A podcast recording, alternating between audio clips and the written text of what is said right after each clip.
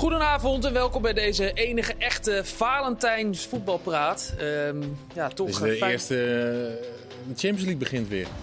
Kees. Jij hebt het over Valentijn. Kees, rustig aan. Ik heb je nog niet eens voorgesteld. Oké, sorry. Ik heb hier eh, de drie minst romantische analisten van eh ESPN Oh, verzameld.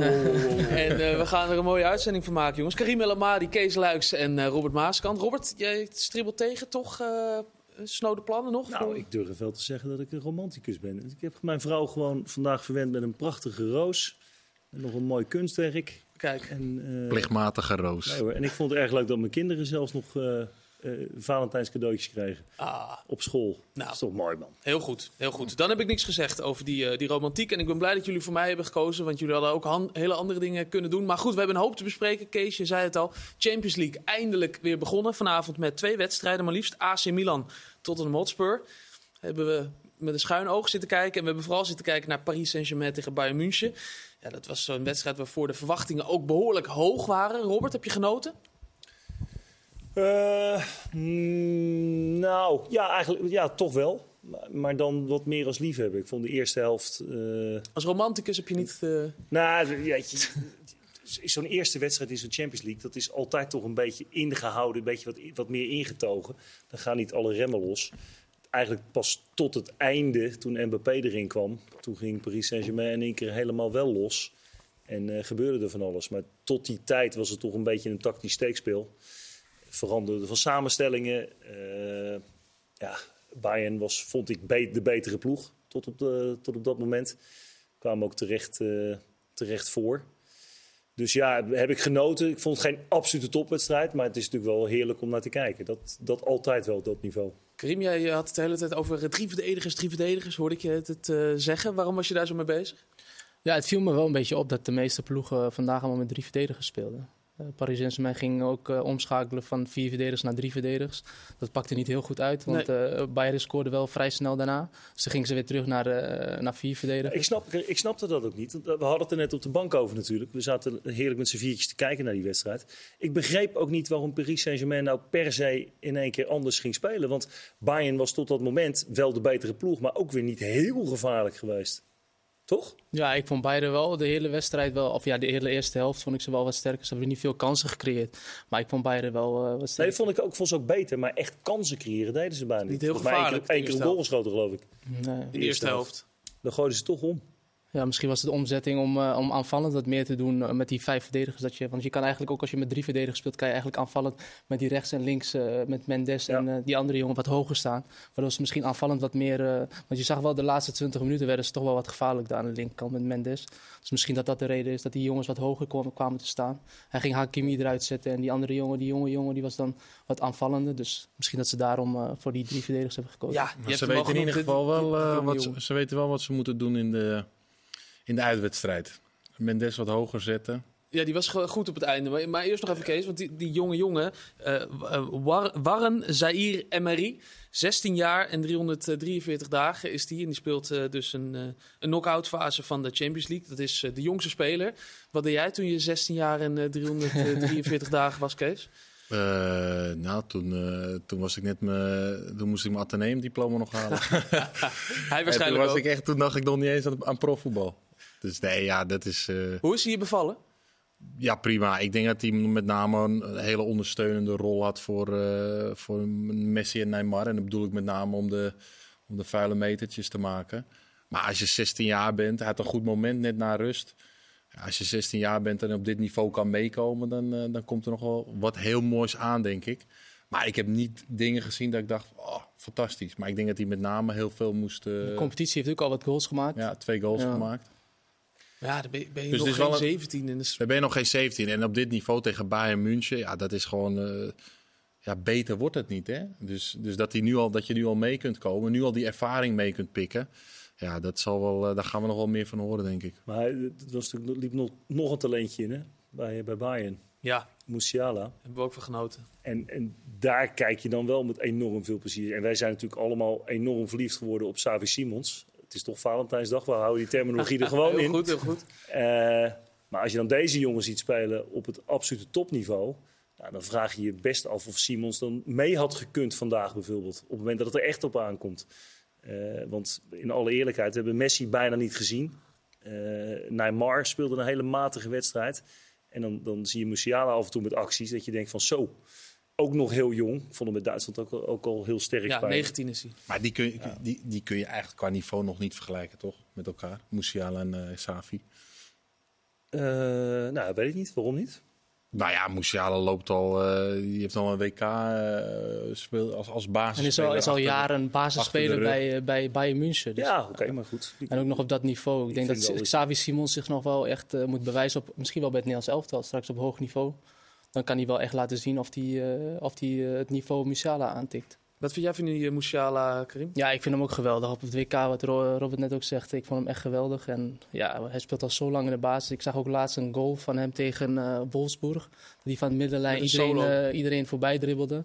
Ja, het is denk ik, ik zei net al een beetje Zidane. Ja, sommige acties vergeleken die- met Zidane. Ja, Ja, ik denk echt wel dat het echt een geweldenaar wordt. En hij is nog hartstikke jong. Dus nee, ik vind het echt een prachtige speler.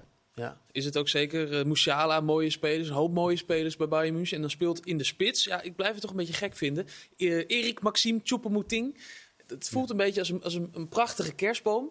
Met dan ja, toch een lelijke piek. Ja, het is de enige, enige speler die een beetje vaak in de bal komt. Waardoor misschien, wat, eh, wat jij ook aangaf net, eh, dat, dat veel lopende mensen zijn. En als hij dan in de bal komt, dan kunnen daar wel in die gat eh, kunnen wel veel van die middenvelders komen. Wat Bayern wel heel goed doet eigenlijk. Wat Zonder bal diep- diep lopen. Is, is dat Bayern ieder moment dat er een speler aan de bal komt met zijn gezicht naar voren toe, dus naar, naar het gezicht naar de goal van de tegenstander, dan zijn er mensen die aan het lopen zijn.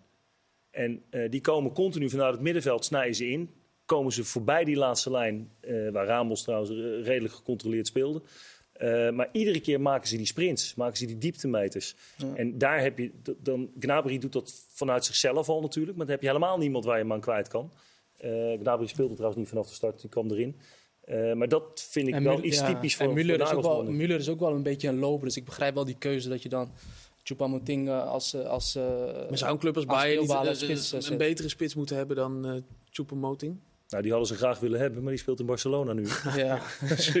Ja. ja, Lewandowski is inderdaad vertrokken. Volgens mij een hele gewaardeerde spits hè, bij Bayern München. Weet je wat, wat jullie al zeggen? Hoe- Hij, hij heeft een goede wisselwerking met de spelers om zich heen. Maar hij speelt in, eigenlijk altijd. Hij scoort nog niet heel veel.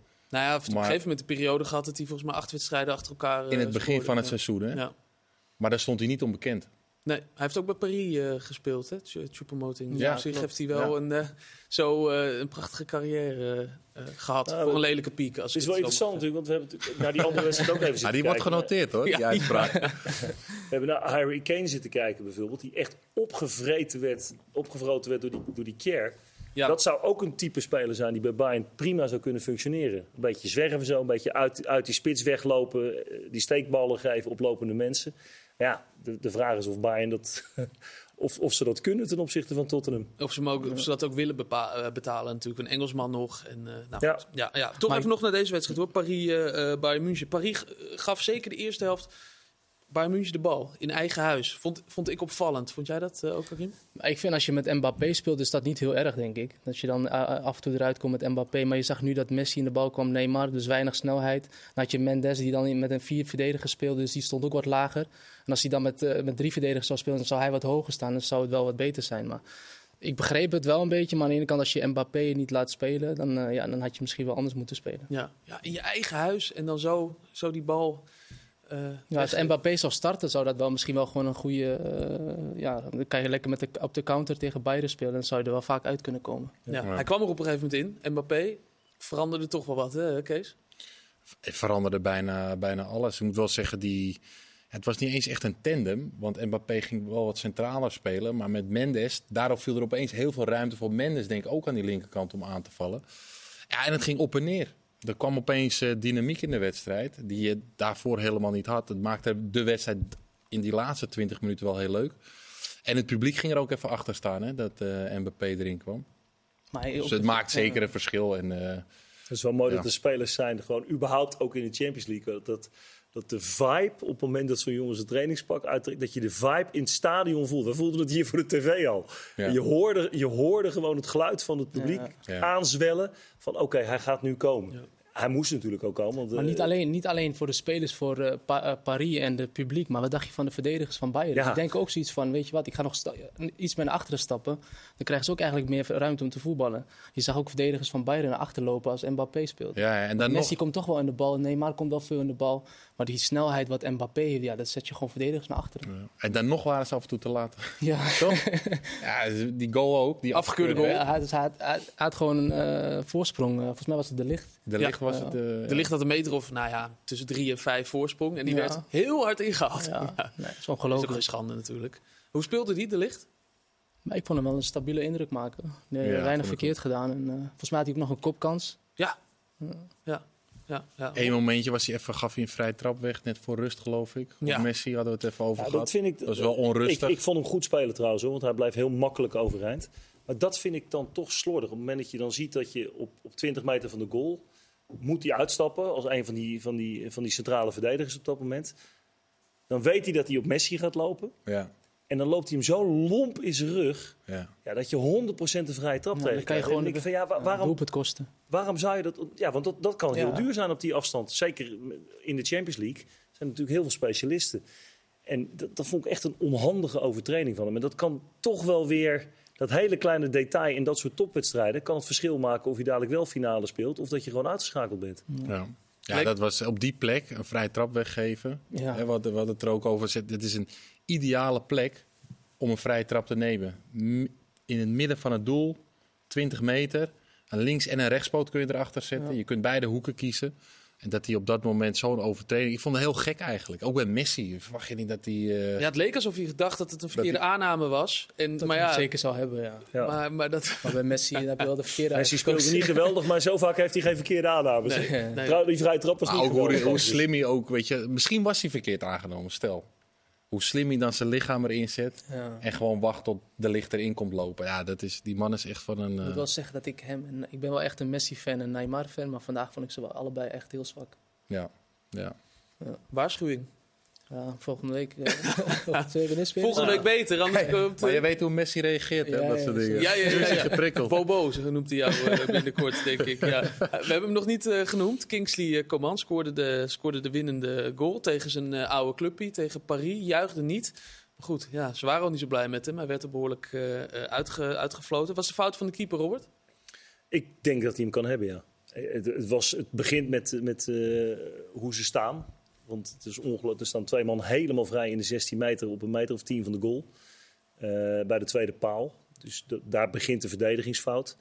Maar op het moment dat hij ingeschoten kan, Donnarumma kan er volgens mij kan hem gewoon hebben. En is dan heel, heel boos dat die jongens vrij staan dat ze in kunnen schieten.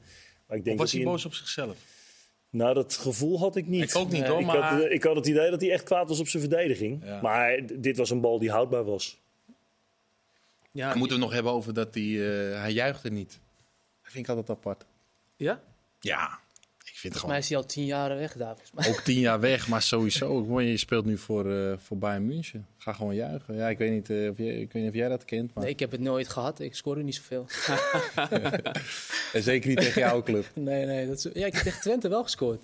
En toen? En? Ja, alleen maar zo volgens mij. Maar Ja, maar dat eh, vind ik al mooi. Gewoon ja, hup, ja, boem. Voor de rest niet heel veel. Ja, ik was ooit een keer met ruzie bij Zwolle weggegaan. En mijn eerste wedstrijd toen ik naar Excelsior ging, scoorde ik tegen Zwolle. heb ik heel hard gejuicht. Hele veld Nee, over maar ik ben wel Ze met zijn nu nog aan het zoeken. Ik ben het wel met Kees eens hoor. Ik vind dat je gewoon kan juichen. Vooral als je ook wordt uitgefloten de hele wedstrijd. Dan is het misschien helemaal... eh, dan denk Ah, hij maakte wel een mooi gebaar toen hij eruit ging. Want hij werd gewisseld op een gegeven moment. En eh, er zat een ballenjongen langs de kant. Eh, die hem gedag zei. Daar liep hij direct eventjes naartoe. En ik- dan zie je ook wel weer de sympathie van een jongen die daar gewoon vandaan komt. En daar opgegroeid is. echt Parijzenaar, ja. Ja, dat is ook gaaf dat hij dat doet. Ja, dat vind ik, dat, dat vind ik wel mooi. Maar ik ben het met jullie eens. Ik, eh, als je speelt voor de club, dan eh, weet Ik je... wil, wel die je- ik wil wel die beelden nog een keer zien van jou eh, dat je voor Excelsior speelt. Die zijn er gewoon. Die zoeken, wel die zoeken we voor de, ergens een uitzending zoeken ze een keer op. Kees, voor je. Ja, in de voetbalkantine. Had jij dat eerder geweten, dat, toen ik je trainer was? Hè? ja, dan Toch hadden we meer die- respect gehad, denk ik. had- Nou ja, is goed zo. Hè. Jij was snel weg hoor toen. Dus, eh, Eh, die andere wedstrijd, eh AC Milan eh, Tottenham Hotspur, werd eh, 1-0 door het doelpunt van Brahim Diaz. Ehm Karim, ik heb even opgezocht. Jij hebt met eh Aston Villa vijf wedstrijden tegen Spurs gespeeld. Heb je enig idee eh, hoe dat eh, ging? Volgens mij alles verloren of één gelijk? Even kijken. Vijf keer verloren heb ik hier staan. Ja? Ehm, hoeveel doelpunten voor, denk je, voor jullie? Ik zou het niet weten. Nee? Ik weet wel dat we toen altijd tegen Bill speelden in zijn prime, primetime. Mhm. Hij echt geweldig was. En ik moest hem ook vaak opvangen. Ja? dus dat was ook geen pretje. Maar ja, volgens mij hebben we alle wedstrijden verloren die, die ik me kan herinneren. Ja, ja, ja, Maar altijd lastig 0 tegen voor, Tottenham. 15 tegen. Ja, ja. Ja, wel, er staat een paar eh, grote... nou? Ja, sorry. Het is niet alleen maar nee, nee, klopt. Tottenham was die tijd echt eh, heel sterk. Maar ook Harry Kane zat daarbij. Die was toen nog beginnende. Ja. Die speelde ook een beetje links hangend aan. eh, Ja, de toen, toen, toen had hij nog niet dat hij, dat hij zo, zo goed was als nu. Maar Kan je hem herinneren? Ja, heel, heel vaag eigenlijk. Maar ik kan me nog wel herinneren. Hij was wel een balvaste speler, maar het was echt niet de speler die het nu is. Het is nu echt gewoon echt een van de beste spitsen ter wereld, denk ik. En, dat, en die tijd eh, vond ik het nog wel meevallen. Bill was toen wel heel goed. Ja. Maar Harry Kane was nog niet echt eh, wat hij nu is. Had je toen kunnen denken dat hij ooit topscorer alle tijden van uh, Tottenham Hotspur zou worden? 267 doelpunten inmiddels. Ja, je zag wel zijn balbehandeling, hoe soms hij die, die ballen vasthield en dat hij wel altijd goed bezig, of dat hij altijd bezig was met verdedigers, dat, hij, dat, dat je het wel altijd moeilijk tegen hem had. Maar niet dat hij eh, hoe die, hoe die nu speelt en uh, wat voor goals hij nu allemaal maakt. Ja. Ja, bizar. Hij werd, zei jij Robert, opge opgefroten door uh, Kier? Wat, wat is... Ja, dat waren fantastische duels. Uh, iedere keer als hij ingespeeld, die keer die zat er bovenop, heel scherp. Die kreeg, uh, al vroeg in de wedstrijd kreeg hij een, uh, een, een, botsing. Die had zijn mond een beetje open liggen. Ja. en dat had hem, had hem getergd. En dat zag je gewoon in ieder duel zag je dat terug. Zodra die, ik, ik, een Kane is natuurlijk, waar die vroeger wat dieper speelde, of dan als de zijkant, laat hij zich heel vaak terugzakken. Om dan die, die, die steekballen te kunnen geven en daarna weer voor de goal te komen. Uh, maar Kerr gaf daar helemaal die ruimte niet voor. We vrat hem gewoon op. Hij zat direct in zijn rug, erbovenop. De discussie die we ook hadden over of uh, bij Paris Saint-Germain of ze dat ook wel doen. Hè. Uh, nou, dat zie je niet heel veel meer gebeuren. Dat ze echt doordekken naar het middenveld. Maar dat deed hij wel degelijk. En je zag dat het ook echt opdracht was geweest van, van Milan. Is dit nou twee keer uh, 1-0? Hè? Was het 1-0 voor, voor Milan en, en 0-1 voor Bayern München? Is beslist allebei? Nee, zeker niet. Ik zag ook dat Tottenham het middenveld miste. Ja. Dus die speelde eigenlijk ook niet met een sterke middenveld. En uh, ja, ik vind het wel knap van Milan. Want Milan, volgens mij de laatste weken, hebben volgens mij vier of vijf wedstrijden verloren. Ook in de competitie staan ze er niet echt goed voor. Dus ik vind wel knap die, uh, die 1-0. Maar ik denk Tottenham thuis moet nog wel uh, haalbaar zijn voor Tottenham. Bij Bayern en Paris, als ik de laatste 20 minuten bekijk met Mbappé erbij, ja. zie ik dat Paris Saint-Germain eigenlijk ook nog wel kans heeft. Ja, sluit ik me ook bij aan. Ja. Ik denk Ja, als je, ik had het ook niet. Je verwacht ook van Bayern dan die laatste 20 minuten. Oké, nu gaan we even de boel dichtgooien. Ja. Dat kunnen ze kennelijk dus ook niet. Ook in de competitie niet. En ook in de competitie niet. Dus ja, dan zou je denken die wedstrijd straks in, in München wordt, uh, ja, blijft een open wedstrijd in dat Ja. opzicht. Als Mbappé 90 minuten kan spelen, dan gaan ze dat nog recht trekken. Ja. Want die maakt gewoon het verschil. En die, dan, dan is die gewoon niet te stoppen. En je zag ook dat bijvoorbeeld een Neymar, zodra Mbappé erin kwam, ging ook Neymar ging veel meer doen in één keer. Die was in één keer veel actiever. Uh, Messi, want er kwam natuurlijk nog een rode kaart bij, uh, bij Bayern in die, uh, in die slotfase. Uh, ook door een loopactie van Messi. Ja, die worden dan toch allemaal ook even weer meegelift op Mbappé. En dat, Ja, dat Messi, klinkt Messi, gek, maar... Messi, Messi is ook niet meer de snelste dat hij zelf al die acties kan maken. Dus Nee. dan heeft hij ook wel echt baat bij, bij Mendes die diep loopt, bij Mbappé die diep liep. Hij dat, zag de eerste helft, dat zag je de eerste helft totaal niet. En ik denk, als je dat hebt straks eh, bij Bayern, dat Messi dan ook wel eens uh, sterkte komt. Kees, zag jij nog wat aan, aan Messi en uh, Mbappé na, na het WK? Ik heb niks gezien. Er is me niks opgevallen, helaas. Nee, maar je, je zei van ja, ik, ik, het lijkt wel alsof ze iets minder het vuur hebben als. Uh, oh, dat, op de, uh, die, nee, ik dacht meer dat je bedoelde. Uh, Onderling. iets zou, onderling zou nee, kunnen nee, zijn. Nee, ik wil niet staan. Nou ja, ik, ik weet je. Ik heb helaas nooit op dat niveau mogen spelen. Maar ik kan me echt goed voorstellen dat als je een, een WK hebt gewonnen. In Messi's geval. Of Mbappé had hem al in 2018 gewonnen. eh, nou, uitblinker op het WK. Ja, dat je dan terugkomt bij Paris Saint-Germain. En tuurlijk heb je wel die drive om een keer de Champions League te winnen met, uh, met Paris. Maar ja, je moet toch weer eventjes omschakelen. Je. Je hebt het, eigenlijk Messi ook, die heeft het gewoon gemaakt. Die is wel klaar. Die echte absolute wil om iets nog te bereiken. Ja, zal Messi denk ik niet hebben. Maar ja, uh, dan zal hij ons wel weer verrassen, denk ik, aan de andere kant. Maar dat, ja, voor mij was dat altijd echt een ding. Ik had echt altijd een drive nodig, weet je, om nog ergens voor te gaan. En dat was wel op een heel ander niveau. Maar ik had wel op een gegeven moment, ja, het einde van mijn carrière, waar kon ik nog naartoe? Ik kon nog naar Telstar, bijvoorbeeld. Maar daar dacht ik van, ja, dat, dat, dat, daar haal ik geen drive meer uit. En ik kan me voorstellen dat het voor Messi op dat niveau ook zo is. Ik denk, ja, we gaan nog lekker potjes spelen, maar, ja, Ja, hij heeft alles al gewonnen. Als zij het al zo lang hebben volgehouden, dan zou je ook denken, ze, ze doen het al bijna 15 of 20 jaar, dan zou je misschien denken na 10 jaar, oké, Ja, ik maar dat meer, ja, dat, dat WK was enige. wel, dat WK was wel een Ja. ding voor hem. Maar ik denk echt nog wel dat hij denkt van, ja, ik wil ook nu weer de gouden bal winnen, dus ik moet er ook nu weer staan. Ik denk dat hij gewoon gaat genieten nu. Nee, dat denk ik echt. Ja? Ook bij Argentinië wil hij ook nog door. Zou toch ook denken die, die, dat hij wel zou stoppen? Ideale moment. Ja. Hij wil Ja, nog genieten van weet voetbal. Ook bij Paris Saint-Germain, waar, de, waar de, eh, de belangen groot zijn om die Champions League te winnen. Nogal. Laat staan kampioen van Frankrijk worden, dat, dat is een, eh, een gegeven. Eh, op het moment dat dat niet gebeurt, omdat er een aantal mensen zijn die gewoon wat minder presteren, dan is dat ook niet gezellig. Dan is het ook niet leuk. Dan ga je ook niet met plezier naar de club toe, want dan loop je heel de dag met zagrijn op je kop rond. En dat, dat kunnen die gasten, die willen dat ook niet. Die willen ook niet hun carrière afsluiten op die manier. En ik denk dat ze ook, daarnaast, je wordt volgens mij nooit zo goed als je niet die, die, die, die drive gewoon hebt. Ja, ik denk toch dat. Dat je er niet eh, over na hoeft te denken. ik denk toch nog dat, dat je erop verkijkt. Dat denk ik.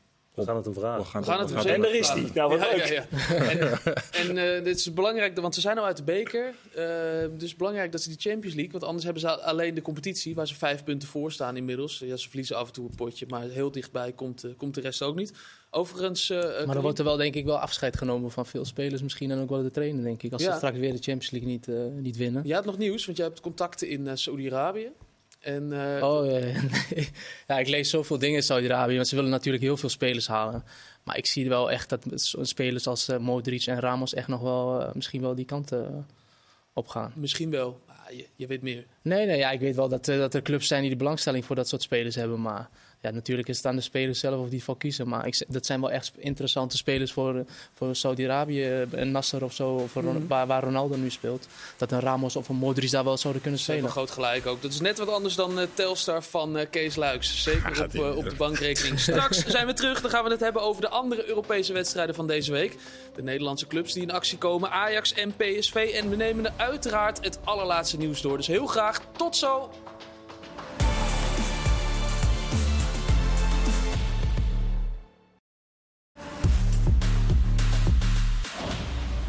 Deel 2 van deze Valentijns voetbalpraat. We hebben het geprobeerd met gedimd licht. Was toch eh, geen succes. We hebben het geprobeerd met kaarsjes, maar we doen het toch maar gewoon zo. Dat is uiteindelijk het, eh, het best voor iedereen. We gaan het hebben over de Europese wedstrijden die eh, nog voorbij gaan komen deze week. Morgen Club Brugge, Benfica en Dortmund-Chelsea. Maar donderdag zijn toch misschien wel de mooiste potjes. Twee Nederlandse wedstrijden. Maar Robert, jij kijkt uit naar, naar een andere pot. Ja, volgens mij hebben we ook nog... Ja, je, je verzint het bijna niet dat het Europa League is, maar... eh, De tussenronde van de, van de Barcelona Europa League. United, Manchester United. Dat zijn natuurlijk wel heerlijke wedstrijden. Om, Een Champions eh, League potje. ja, dat zijn gewoon Champions Sowieso Dortmund, Chelsea, al die, al die ploegen natuurlijk die, eh, die we net noemen. Eh, verwacht je op een hoger niveau. Maar ik vind het een heel interessant om Barcelona, die, die het moeilijk hebben gehad aan het begin van het seizoen. En nu echt in de flow zitten. Goed spelen. Veel goals maken. eh, tegen ons inmiddels, omdat Erik ten achter zit, en Manchester United. Want zo zijn we dan ook wel weer. Eh, kijken waar dat staat. En ik wil ook Weghorst dan wel weer een keer zien. Ik weet niet of hij gaat starten natuurlijk. Maar eh, ja, ik, heb, ik heb nog steeds mijn twijfels bij hem. Of hij de spits voor United kan zijn. Is, zien jullie dat ook echt als een Champions League eh, affiche? Ondanks, het zijn toch twee clubs die ook Ja, niet meer zijn. Barcelona de laatste weken zie spelen. Ja, Ja, Barça is nu de nummer 1, hè? Ja, Mhm, ik vind ze echt In La. Liga. Zeker. En United is nummer 3. Ja. Premier League 4. Drie moment. volgens mij. Drie? Ja. Ja, dat zijn wel ploegen die eh, een mindere periode hebben gehad. Maar die, daar, waarvan het lijkt dat die nu al achter zich, eh, dat, ze dat achter zich hebben gelaten. En die nu eh, volgens mij ja, gewoon twee ploegen in vorm. Ja, Zo mag je het wel zeggen, denk ik. Frenkie de Jong die ik heel goed vind spelen nu. ja. Maar ook zonder bal heel goed. Ballen afpakken. Nee, maakt mij, mij, mij ook wel een hele goede indruk. Wie eh, is eigenlijk de, de, de favoriet dan? Barcelona tegen United? Ja, dat is lastig. Ik denk Barça. Bas- Barcelona wil voetballen en ik denk misschien dat Manchester op de counter gaat spelen. Ja, dat en met Rashford kan het wel eens, eh, kan het wel inderdaad Rashford als- uitpakken voor als- eh, Barcelona. Ja. Mm. Ja, als individuele speler die een wedstrijd kan beslissen. Ik denk wel dat Barça voetballend nu veel verder is al. Eh, en dan zal United wat meer moeten tegenhouden. Ehm, ja, het, zijn, ja, het zijn waanzinnige wedstrijden in, in deze ronde. Ja. Weet je, wat dat betreft moeten we blij zijn dat die Nederlandse clubs daar niet tegen hoeven te spelen. Want die hebben wat dat bet- vind ik wel echt een iets makkelijkere tegenstanders. Je hebt ook wel eens dat dit soort ploegen dan met tweede elftallen gaan, eh, gaan spelen. hè? Zo'n tussenronde van de Europa League. Ik Denk donderdag niet. Het Nee, is een prestige-duel ook, hè? Ja. Dan ga je dat niet doen. En, eh, maar wat Karim zegt, dat denk ik ook wel. Dat United, ze hebben ook wel een aantal wedstrijden in de competitie. Hebben ze gewoon wat meer van achteruit gespeeld. dat ligt ze ook heel goed. en dat hè? ligt ze best wel goed.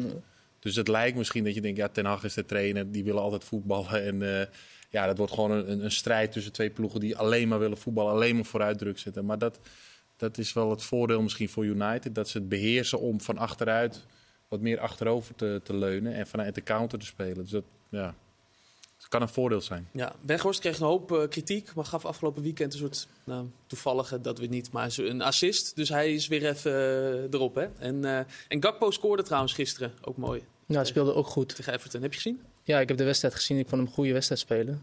En ook eh, de goal is natuurlijk ook bevrijdend. Want daar is het in Engeland wel vaak als je als grote aankoop wordt gehaald... dat je wel moet gaan scoren als je spits bent. Dus eh, ja, dat doet hij gewoon goed. En gisteren was hij, speelde hij ook goed eh, zonder bal, met bal. Dus ik vond hem een goede indruk maken. Ja. Ja. En het is natuurlijk een grote wedstrijd hè, waar, eh, waarin hij dit doet. Een logische uitslag is het. Alleen ja, met een Liverpool wat niet in grootste vorm steekt, dan eh, zijn dit soort uitslagen wel heel belangrijk in derbies. Ja. Eh, en zeker omdat Gakpo natuurlijk heel veel kritiek krijgt van, eh, van oud-spelers. Maar dat, dat weet jij als geen ander ook in, Ja. in Engeland. Dat telt nog net altijd even wat zwaarder dan dat er iemand anders, dat een, een, een, gemiddelde journalist iets zegt. Ja, maar Sorry, dat vind ik zo. Nee, maar dat, daar wou, wou ik ook wat over zeggen. Dat vind ik zo bijzonder daar. Je kan één wedstrijd minder spelen en je krijgt meteen iedereen over je heen.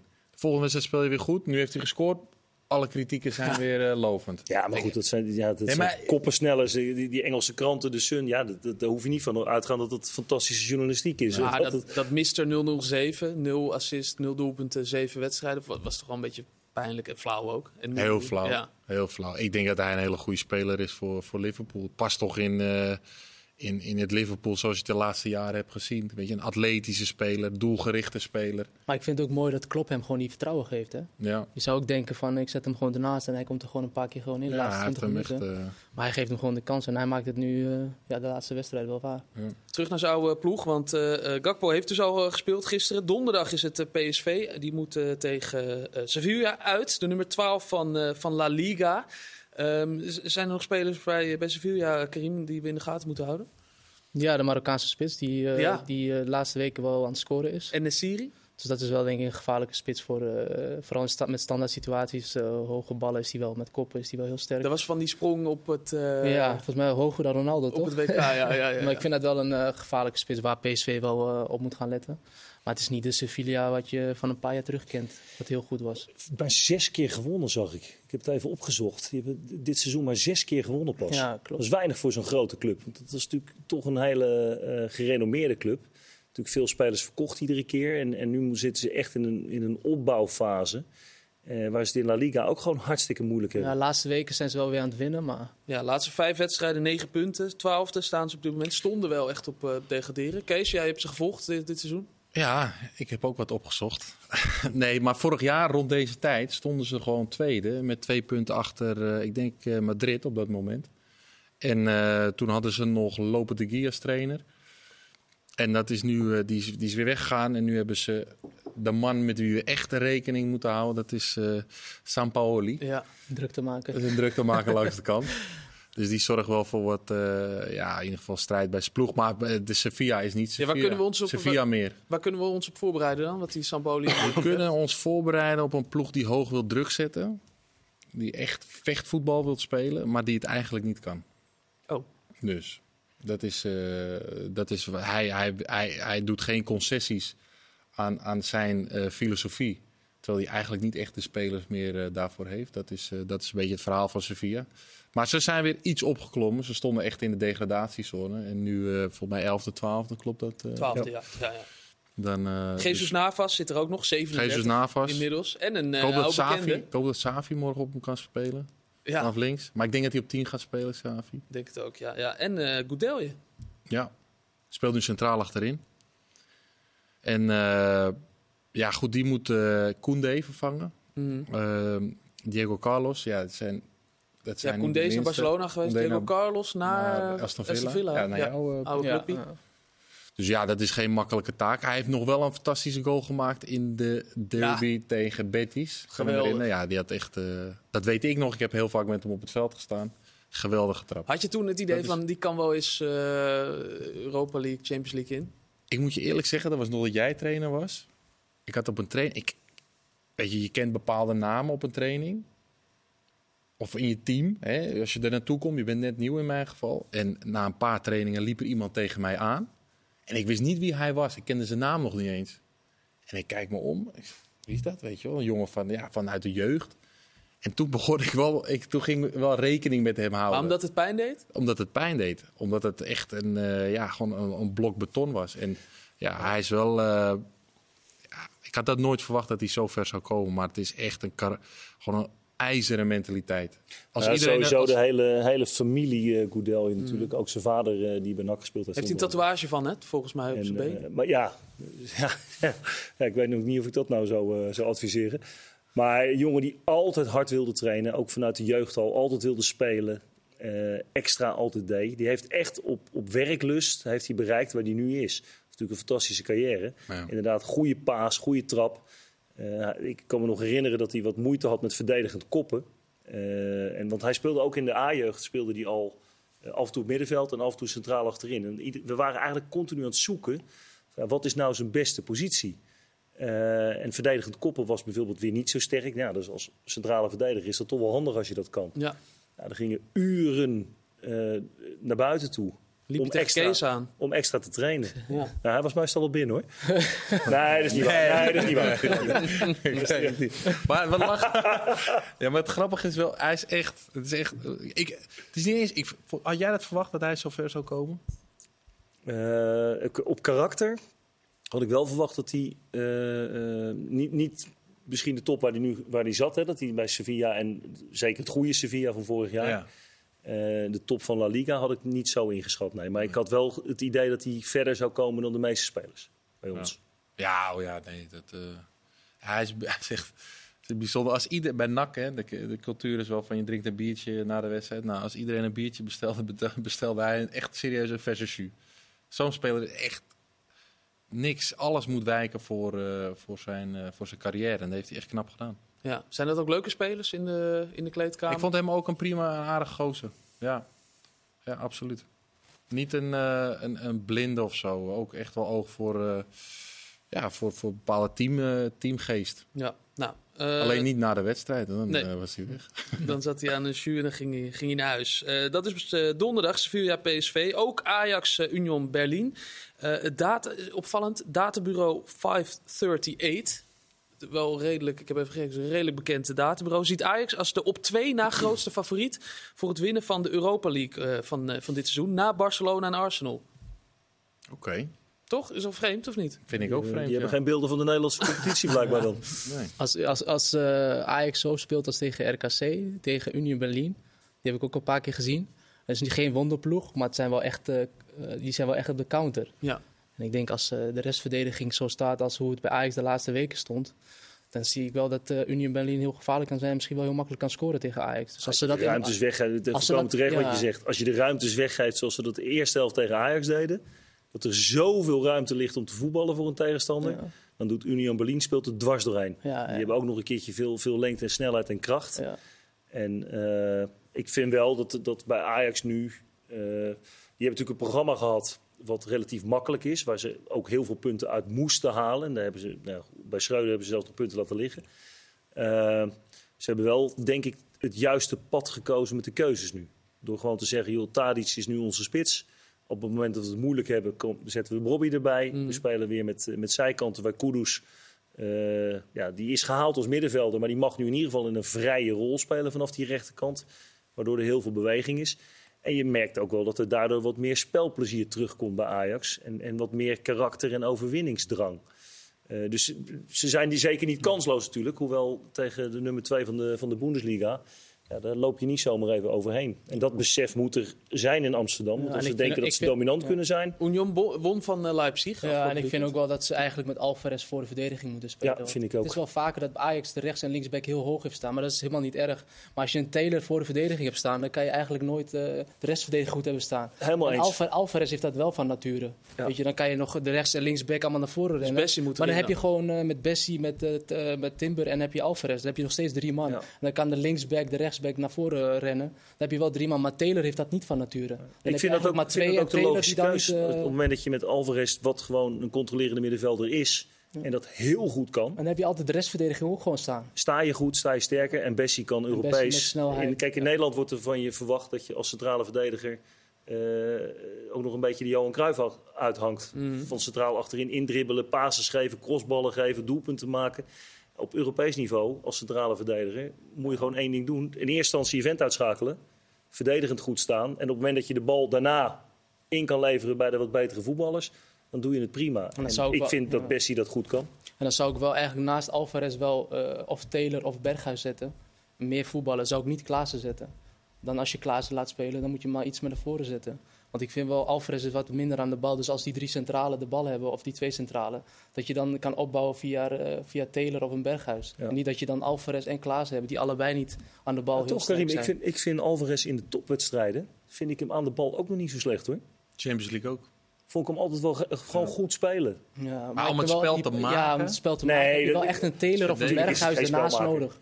Ja, en nee, dat Klaas, is ook, Berg, Klaas is ook meer een loper. Dus dan zou ik, Ja. echt, wel, eh, zou ik echt wel of Taylor... ik denk dat eh, Berghuis gewoon sowieso speelt. Ja, die zou ik altijd laten spelen. En Wouter, het- volg je het nog allemaal een beetje? Ik zit, hoor. eh, het gaat over tactieken. Ik zit langzaam. maar Nee, ik zit te denken aan als je het dan hebt over twee spelers waarvan je niet had verwacht dat ze zouden doorgroeien tot waar ze nu zijn. Dan is het wel Geraldo Becker en eh, Danilo Doeki Doeki, bij, ja. eh, bij Union Berlin. Ja, maar daarom, zeg- ja, ja, het zijn wel goede spelers natuurlijk. We hadden het net ook over die jongens van Toulouse. Ja. Spierings en eh, Spierings. jongens in één keer naar het buitenland gaan. Bomen. Ja. Maar ik denk niet dat als, als Ajax echt in goede doen is, moeten ze van Uni- Union Berlin... eh, Toch denk ik dat het, als je het zo... eh, ik heb niet een mega goed beeld van Union Berlin, moet ik ook eerlijk zeggen. Maar als je de, de, de wedstrijdjes en de doelpunten van hun ziet... en het type ploeg dat het is... is het volgens mij een van de minst gunstige lotingen voor Ajax. Vooral hoe Ajax speelt. Ja. Vooral hoe Ajax speelt. Dus echt, ik vind het echt een hele interessante pot. Ook voor nu voor Heitinga, hoe gaat hij het nu neerzetten? Hij heeft echt gewoon, ja, tegen RKC hebben ze het heel moeilijk, heel moeilijk gehad. Ja, dat is RKC. En nu speel je tegen echt ja, een, een verdedigend betere, betere ploeg. Mentaal een sterkere ploeg die in de Bundesliga speelt. Dus ik denk echt dat... Eh, met vijf, gaat zes man counter super snelle spelers heeft. Ja. Wordt een mooi potje. Dat dus eh, donderdagavond. Ajax, PSV en Barcelona eh, United. Ehm, even het laatste nieuws doornemen, want er is eh, best wel wat voorbij gekomen. Eerst eh, Erwin van der Looy, de, de, eh, trainer van Jong Oranje, gaat naar eh, dit EK onder 21 van aankomende zomer. Stopt hij ermee? Hij vindt het na vijf jaar vindt hij het tijd voor wat anders. Ehm, Robert, jij kent Erwin van der Looy. Je hebt hem Ja. groot gemaakt. nou, zeker, zeker niet. Erwin is, is mijn assistent geweest bij, bij Groningen, samen met Dick Lukien. Eh deden dat met een, met een driemanschap. Marcel Groninger zat daar ook bij. Hè. Marcel Groninger is, eh, is weer assistent bij Erwin van der Looy bij, eh, bij Jong Oranje. Bij het, bij het Nederlands team. Erwin een hele kundige, kundige trainer. En ik begrijp wel dat als hij weer terug wil naar het clubvoetbal...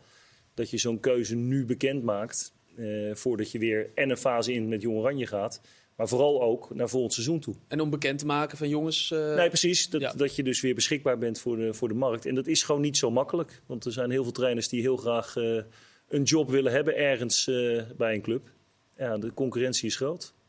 Ja, dat zie je ook met zo'n zo'n Danny Buis. Eh, er zijn allemaal best wel wat trainers van naam die nu gewoon op zoek zijn. Nou, het- en ik herken dat ook wel hoor. Want eh, eh, als trainer, op het moment dat je dan een aantal jaren werkzaam bent geweest, dan ga je er automatisch vanuit dat die volgende club zo komt. Ja, dat is niet altijd zo. Eh, de, de, de voetbal wat, is niet altijd logisch ook. Soms worden er in één keer trainers uit een hoge hoed. nou, kijk even naar Fortuna bijvoorbeeld met Velasquez. Mm. Eh, ja, daar had nog nooit iemand van gehoord verder, totdat Ja. we hem gingen googlen.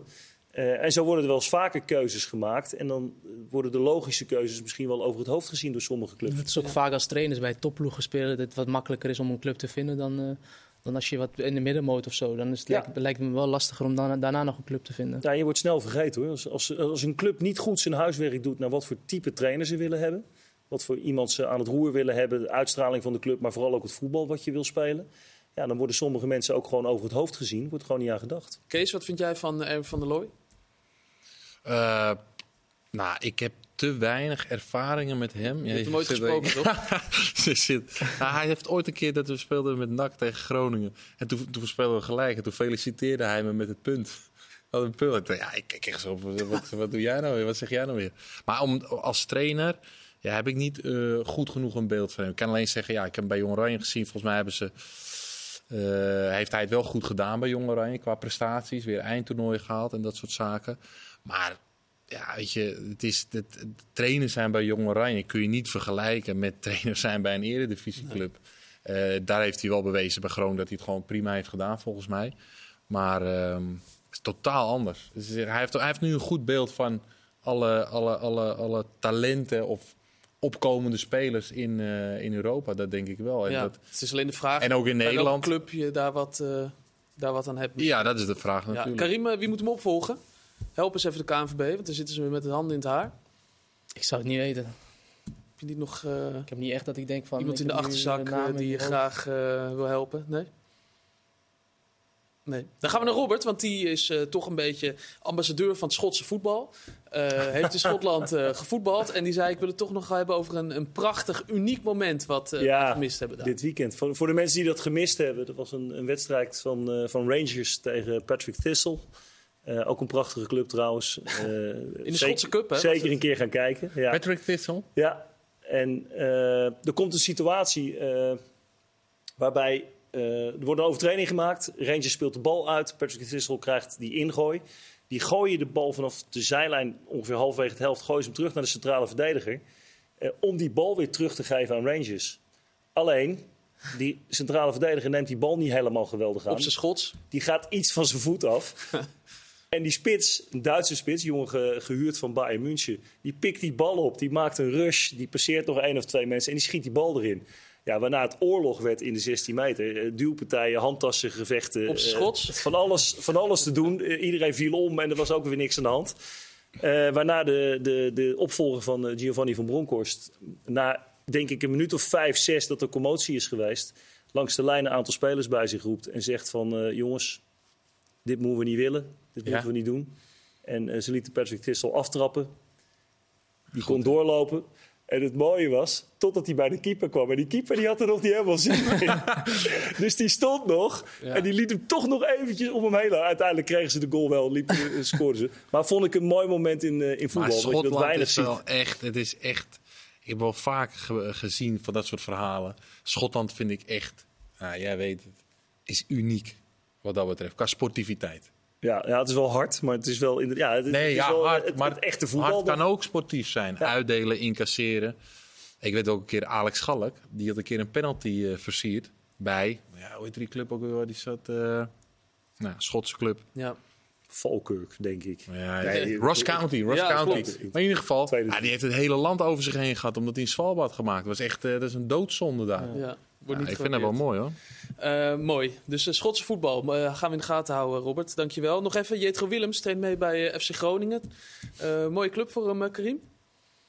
Ja, ik hoorde dat hij zichzelf nog moet laten zien of zo. Ja, klopt. ik vind dat... eh, Ze hebben ja, hem even goed gecheckt, want hij niet, heeft niet belachelijk, maar zo'n speler... Volgens mij is dat de beste speler eh, van, eh, van Groningen, denk ik. Ja? Ja, ik vind het wel echt een goede speler. Dus je vindt eigenlijk belachelijk dat Groningen zo moeilijk doet? Ja, die moet hem, ja als hij gewoon als hij fit is... eh, volgens mij heeft hij testen gehad, toch? Hij heeft testen gedaan of hij, zijn gewrichten en alles nog in orde zijn. Ja, hij wordt ook wat ik- ouder. ik Hij is inmiddels echt, eh, eh, 28. Ik vind het wel echt een goede speler. Misschien heeft hij lang niet gespeeld, maar ik zie hem wel makkelijk gewoon bij Ik, Groningen. ik had hem zelfs wel bij Feyenoord gezien.